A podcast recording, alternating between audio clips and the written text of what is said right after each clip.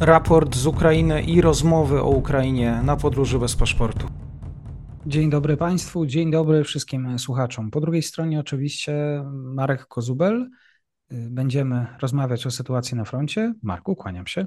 E, witam serdecznie Mateuszu, pozdrawiam Ciebie oraz wszystkich widzów i słuchaczy Podróży bez paszportu. Marku, jaka sytuacja na froncie? No teraz y, ostatnimi tygodniami zaczynamy przeważnie od Awdijiwki. Tak samo będzie i dzisiaj, aczkolwiek też poruszymy kilka ciekawych tematów. I nie, nie chodzi o pogłoskę na temat rzekomej śmierci Putina. Obawiam się, że to jest y, jeden z kolejnych wielu fejków na temat śmierci e, tyrana, e, więc ten temat sobie odpuścimy, ale za to będą ciekawe informacje na temat innej osoby, bardzo konkretnej z tamtej strony barykady. Ale wróćmy do Awdijiwki. E, jeżeli chodzi o sytuację na północ od miasta, to ona się faktycznie trochę pogorszyła dla strony ukraińskiej. Rosjanie zdołali w ciągu ostatnich kilku dni, e, w środę i czwartek, poszerzyć e, tutaj swoje pozycje wzdłuż linii kolejowej. Nadal jednak nie są w stanie jej przejść. Dlaczego? Ponieważ są ostrzeliwani przez Ukraińców ze strony stepowego oraz zakładu koksochemicznego, czyli tego mini Azowstalu, który góruje tutaj nad okolicą. Jeżeli chodzi o e, wysypisko e, zwane przez Ukraińców Terrikonem, e, to tutaj sytuacja Rosjan poprawiła się wczorajszego dnia. Wykorzystując oni mgłę, czyli słabą widoczność, zdołali podejść większą liczbą żołnierzy na północną stronę hałdy i okopać się tam. E, dlatego można powiedzieć, że dopiero od wczoraj e, mapa Deep State, e, czy raczej ustalenia stały się no, takie, można powiedzieć, bardziej aktualne i odpowiadające sytuacji, bo Rosjanie okopując się w tej północnej części, co prawda no, nie zajęli fizycznie pozostałej, ale mają ją pod kontrolą ogniową z broni ręcznej. Oczywiście utrzymanie hałdy nie będzie dla nich e, łatwym zadaniem, będzie zadaniem niezwykle kosztownym.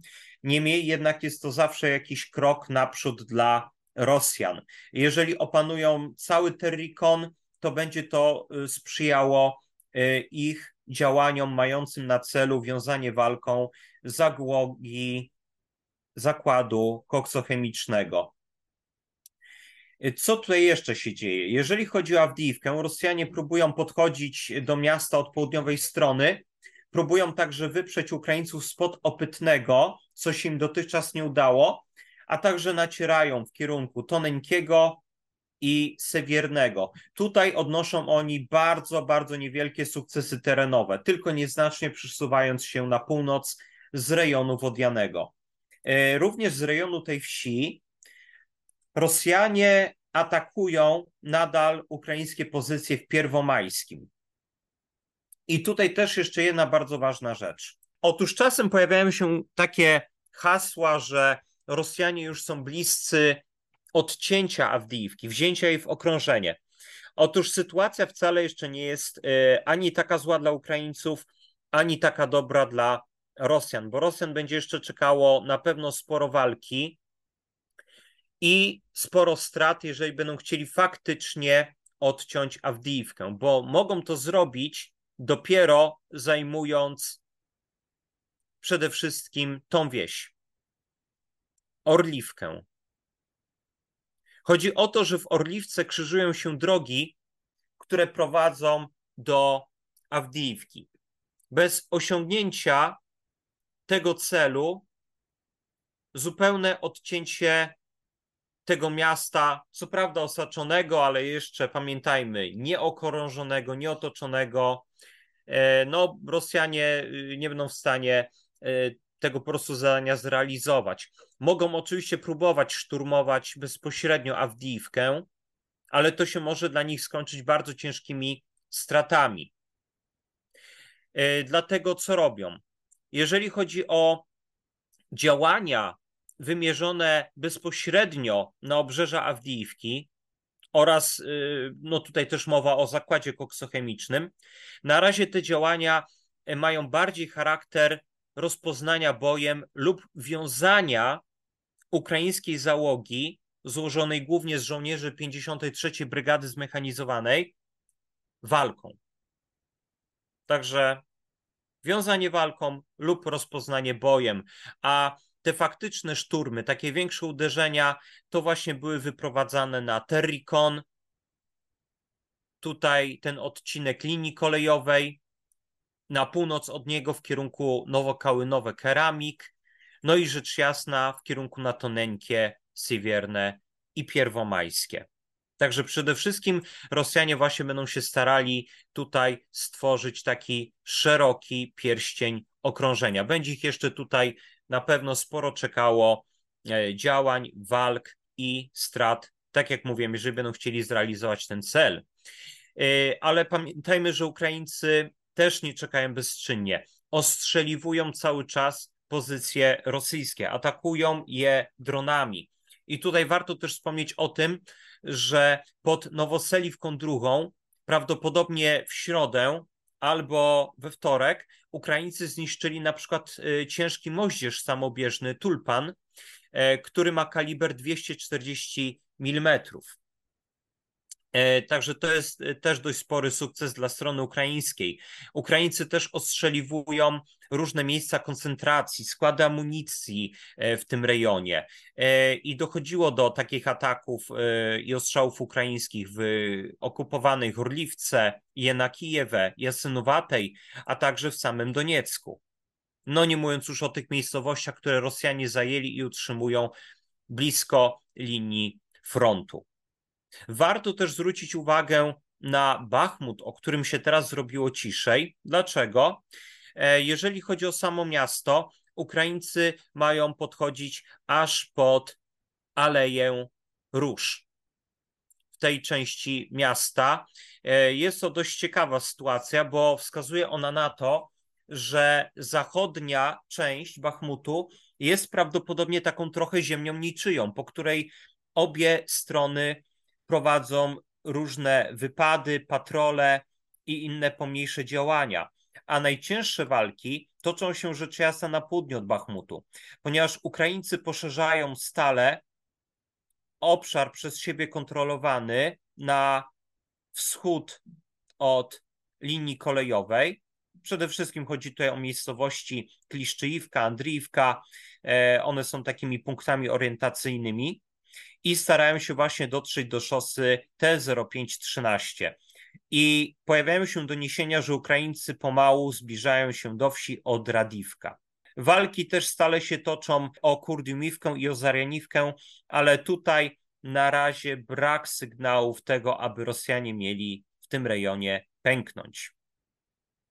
Ukraińcy utrzymują również inicjatywę na odcinku południowym, aczkolwiek tutaj można powiedzieć, że działania sił obrony Ukrainy rzeczywiście troszeczkę zamarły, troszeczkę się, to powiedzieć, zatrzymały, ale to nie oznacza e, zupełnego zatrzymania ukraińskiej ofensywy, a tym bardziej jej klęski, jak to niektórzy ogłaszali. E, drodzy Państwo, nie brakowało w historii wojen, nawet tych dwudziestowiecznych, ofensyw i innych operacji, które się po prostu bardzo długo przyciągały. I to nawet te, które y, no, były prowadzone przez wojska mające y, i przewagę liczebną, i zarazem sprzętową, technologiczną.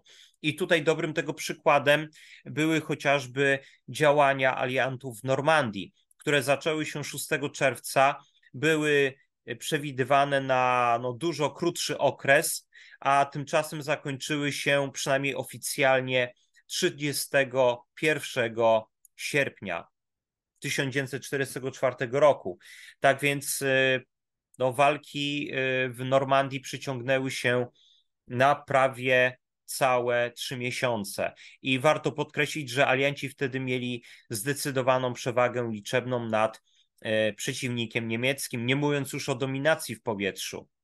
E, no i też pamiętajmy, że Wehrmacht, e, a także towarzyszące mu oddziały Waffen-SS z roku 1944, to już nie były te same niemieckie siły zbrojne, co w pierwszych latach wojny. I tutaj zmiany technologiczne no wcale jakoś tak mocno sytuacji Niemców wbrew pozorom nie poprawiały. Także w przypadku Ukrainy mamy do czynienia tak naprawdę z atakowaniem przeciwnika, który ma w zasadzie y, wyrównane takie y, siły względem strony atakującej. E, ma podobną liczbę żołnierzy na froncie, ma e, podobną liczbę sprzętu pancernego. I tutaj też warto wspomnieć o jednej rzeczy, bo Rosjanie, e, choć nie są w stanie w pełni wykorzystać swojej przewagi powietrznej, to mimo wszystko nie można też powiedzieć, aby Ukraińcy dominowali w powietrzu. Także tutaj to jest na pewno problem dla strony ukraińskiej. Wyrównane y, jak na razie siły oraz brak tej dominacji, brak przewagi powietrznej. Dlatego tutaj te wyhamowanie e, może być też tłumaczone tym, że Ukraińcy będą prawdopodobnie czekać z większymi działaniami, z podjęciem jakichś większych działań na odcinku zaporowskim do momentu otrzymania samolotów F-16. Choćby w jakiejś niedużej liczbie, choćby to był e, tuzin e, samolotów. E, dlaczego to jest takie ważne? Ponieważ dopiero odsunięcie zagrożenia ze strony rosyjskiego lotnictwa pozwoli Ukraińcom na przeprowadzanie większej koncentracji sił na niewielkim obszarze, na niewielkim odcinku i wykorzystanie ich do przełamania, a następnie y, wykorzystania tego przełamania. Bo nie wystarczy y, tylko y, zająć pozycję przeciwnika, czyli przełamać się, a potem co należy robić? Czekać, aż przeciwnik zajmie kolejne pozycje? No nie, trzeba wykorzystać jakąś tą okazję. Teraz na razie Ukraińcy nie mogą tego uczynić. I e, zresztą Mateuszu, nie wiem, czy pamiętasz, jak kiedyś, oczywiście e, poza eterem, rozmawialiśmy na temat tego, co Ukraińcy będą robić. Czy będą nadal mocniej napierać, czy może poczekają na jakieś nowe wyposażenie, nowy sprzęt. Ja wtedy tak rzuciłem, że być może że być może będą właśnie teraz jednak oczekiwać na te samoloty i się ograniczą w swoich działaniach. I być może właśnie teraz jest to realizowane. Pojawia się coraz więcej potwierdzeń, że na przełomie y, bieżącego oraz następnego roku Ukraińcy otrzymają pierwsze F-y y, i być może stwierdzono, że nie ma sensu marnować żołnierzy, ale z drugiej strony Ukraińcy też nie mogą sobie pozwolić na zupełne wstrzymanie działań. Dlatego na pewno nadal będą y, tutaj drażnić, przeciwnika będą prowadzić jakieś działania zaczepne. I jeżeli chodzi o ostatnie doby, to oni też takie prowadzili. Utrzymywali swoje pozycje w rejonie Robotynę, Nowoprokopiwki, Werbowego, nawet w Werbowym odnieśli jakieś niewielkie postępy, trochę odsuwając przeciwnika, ale ponoć większe sukcesy mają odnosić na kierunku Kopani i Nesterianki. Czyli tutaj widzimy, że Ukraińcy starają się teraz skupić na poszerzeniu tego wyłomu w rejonie Robotynej i Nowoporkopiwki. Zapewne po to, aby móc wprowadzić w ten e, wyłom artylerię, której wtedy będzie łatwiej ostrzeliwać okupowany Tokmak. Nadal też mają miejsce walki w delcie Dniepru oraz wypady oddziałów ukraińskich na lewy brzeg, czyli południowy tej rzeki. E, I tutaj przede wszystkim mowa o takich miejscowościach jak Krynki, Pitstepne. Tutaj właśnie według Rosjan mają się toczyć walki. Ukraińcy są na razie bardziej oszczędni w komentowaniu tej sytuacji. I jeszcze tak na moment wróćmy do tematu Awdijiwki, e, bo mm, e, tutaj należy też podkreślić jedną rzecz. Ja wspomniałem o roli lotnictwa rosyjskiego w działaniach na froncie południowym, w działaniach na Zaporożu. I tutaj warto też wspomnieć o tym, że Rosjanie już bardzo długo wykorzystują w walkach o Awdijiwkę samoloty wyposażone w bomby Fab 500, które są, jakby to powiedzieć, upgrade'owane. Otóż są do nich doczepione e, powiedzmy takie skrzydełka, które mają z nich uczynić taką broń bardziej celną, precyzyjną. I powiedzmy tak, nie jest to może jakieś super rozwiązanie, nie powinniśmy tego porównywać tak mocno do rozwiązań zachodnich, e, ale w momencie, kiedy rosyjskie samoloty zbliżały się do linii frontu i zrzucały te bomby, to one padały dość e, blisko celów, jakie Rosjanie sobie zaplanowali. Nieważne, czy one faktycznie te naloty zawsze zadawały jakieś e, wielkie straty stronie ukraińskiej, choć sama waga tych bomb już wskazuje na to, że eksplozja e, mogła być wystarczająco duża, aby nawet przy niezbyt e, precyzyjnym ostrzale doprowadzić do jakichś dużych strat, nie tylko w infrastrukturze. E, I właśnie podczas e, teraz trwającej fazy bitwy o Awdijiwkę doszło do sytuacji, w której Ukraińcom udało się zestrzelić kilka takich rosyjskich bombowców szturmowych wyposażonych w takie bomby i to zmusiło Rosjan do e, stosowania swojego lotnictwa w bardziej bezpieczny sposób. Polega to teraz na tym, że Rosjanie nie zbliżają się do Awdijiwki, ale odpalają rzucają te bomby e, jeszcze nad swoim obszarem, nad terenem okupowanym, po to, aby nie zbliżyć się do linii frontu i nie zostać porażonymi przez ukraińskie zasoby obrony przeciwlotniczej. Oczywiście kończy się to tym, że bomby FAB stają się przez to mniej precyzyjne. E, one spadają najczęściej bardzo już tym razem daleko od celu. E, nie zawsze na szczęście przy tym czyniąc szkody, ale mimo wszystko liczba takich nalotów jest wystarczająco duża, aby Awdijiwka zmieniała się po prostu w straszne morze ruin, e, podobne do e, takich miast jak Sywierodonieck, Popasna czy Bachmut. Wróćmy jeszcze tylko na moment do jednego odcinka frontu, o którym no, też nie możemy zapominać, ponieważ e, tutaj, jak e, donosi chociażby wywiad brytyjski, zgromadzona jest mniej więcej jedna czwarta rosyjskich e, sił na Ukrainie. Czyli chodzi o odcinek słobożański, nazywany też czasem kupiańsko-łymańskim. Tutaj ciężkie walki toczą się rzecz jasna na wschód od Łymanu, czyli w rejonie Lasu Sierbrańskiego pod Makijówką. Ciężkie walki toczą się również w rejonie Kupiańska. I tutaj Rosjanie odnoszą na razie największe sukcesy, choć nie są one spektakularne. Zbliżają się nieco do Synkiwki, ale bardziej groźne dla strony ukraińskiej są rosyjskie uderzenia w kierunku Petropawliwki. Rosjanom udało się we wtorek i środę nieco zbliżyć do tej wioski, zagrażając tym samym ukraińskim stanowiskom w Synkiwce.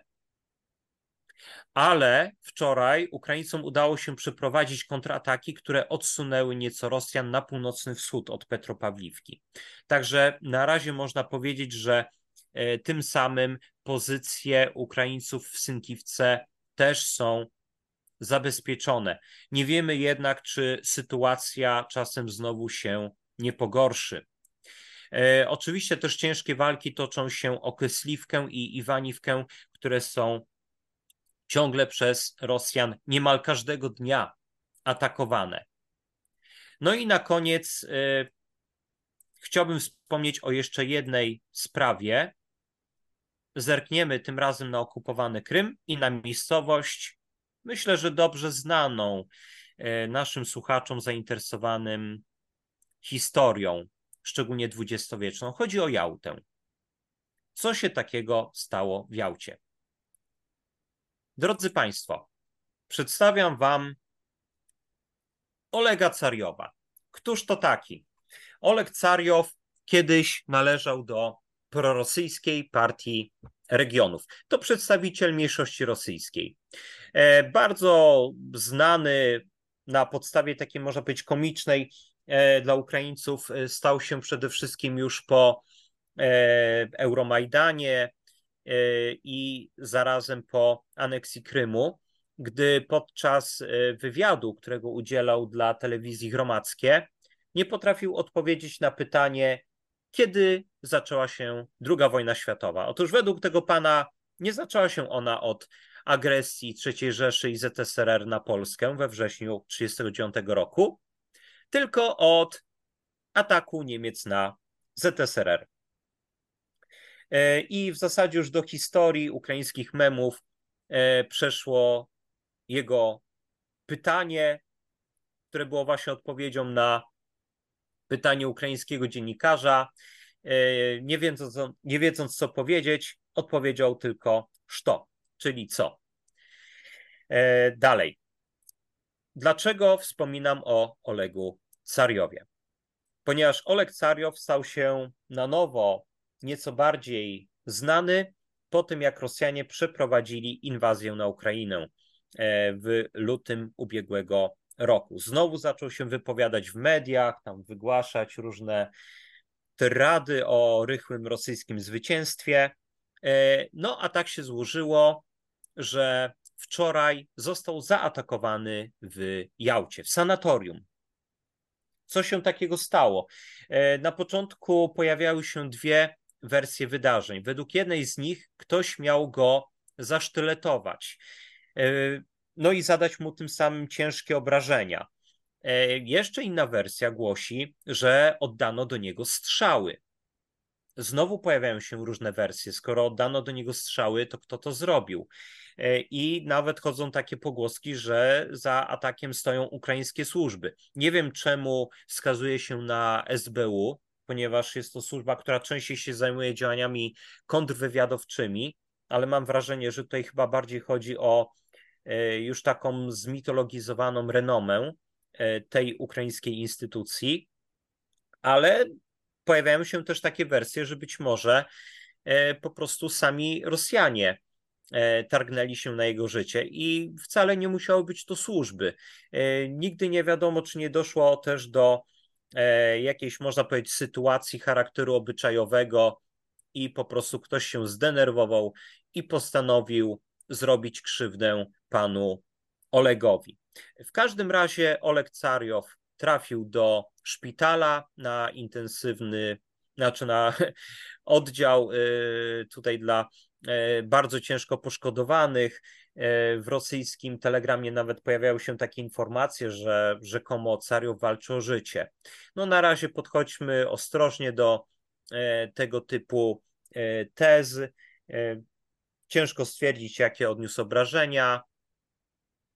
Nawet też właśnie, jak Państwo już się ode mnie dowiedzieli, nie do końca nawet wiadomo, czym zadano mu rany i kto to nawet zrobił. Ale w każdym razie jest to informacja dość ciekawa i bardziej pewna y, niż spekulacje na temat śmierci Władimira Putina i rzekowym, rzekomym przygotowywaniu Sobowtóra do roli no, odgrywania dyktatora przez pewien czas. Dziękuję Państwu i pozdrawiam serdecznie. Bardzo dziękuję. Kłaniam się do usłyszenia.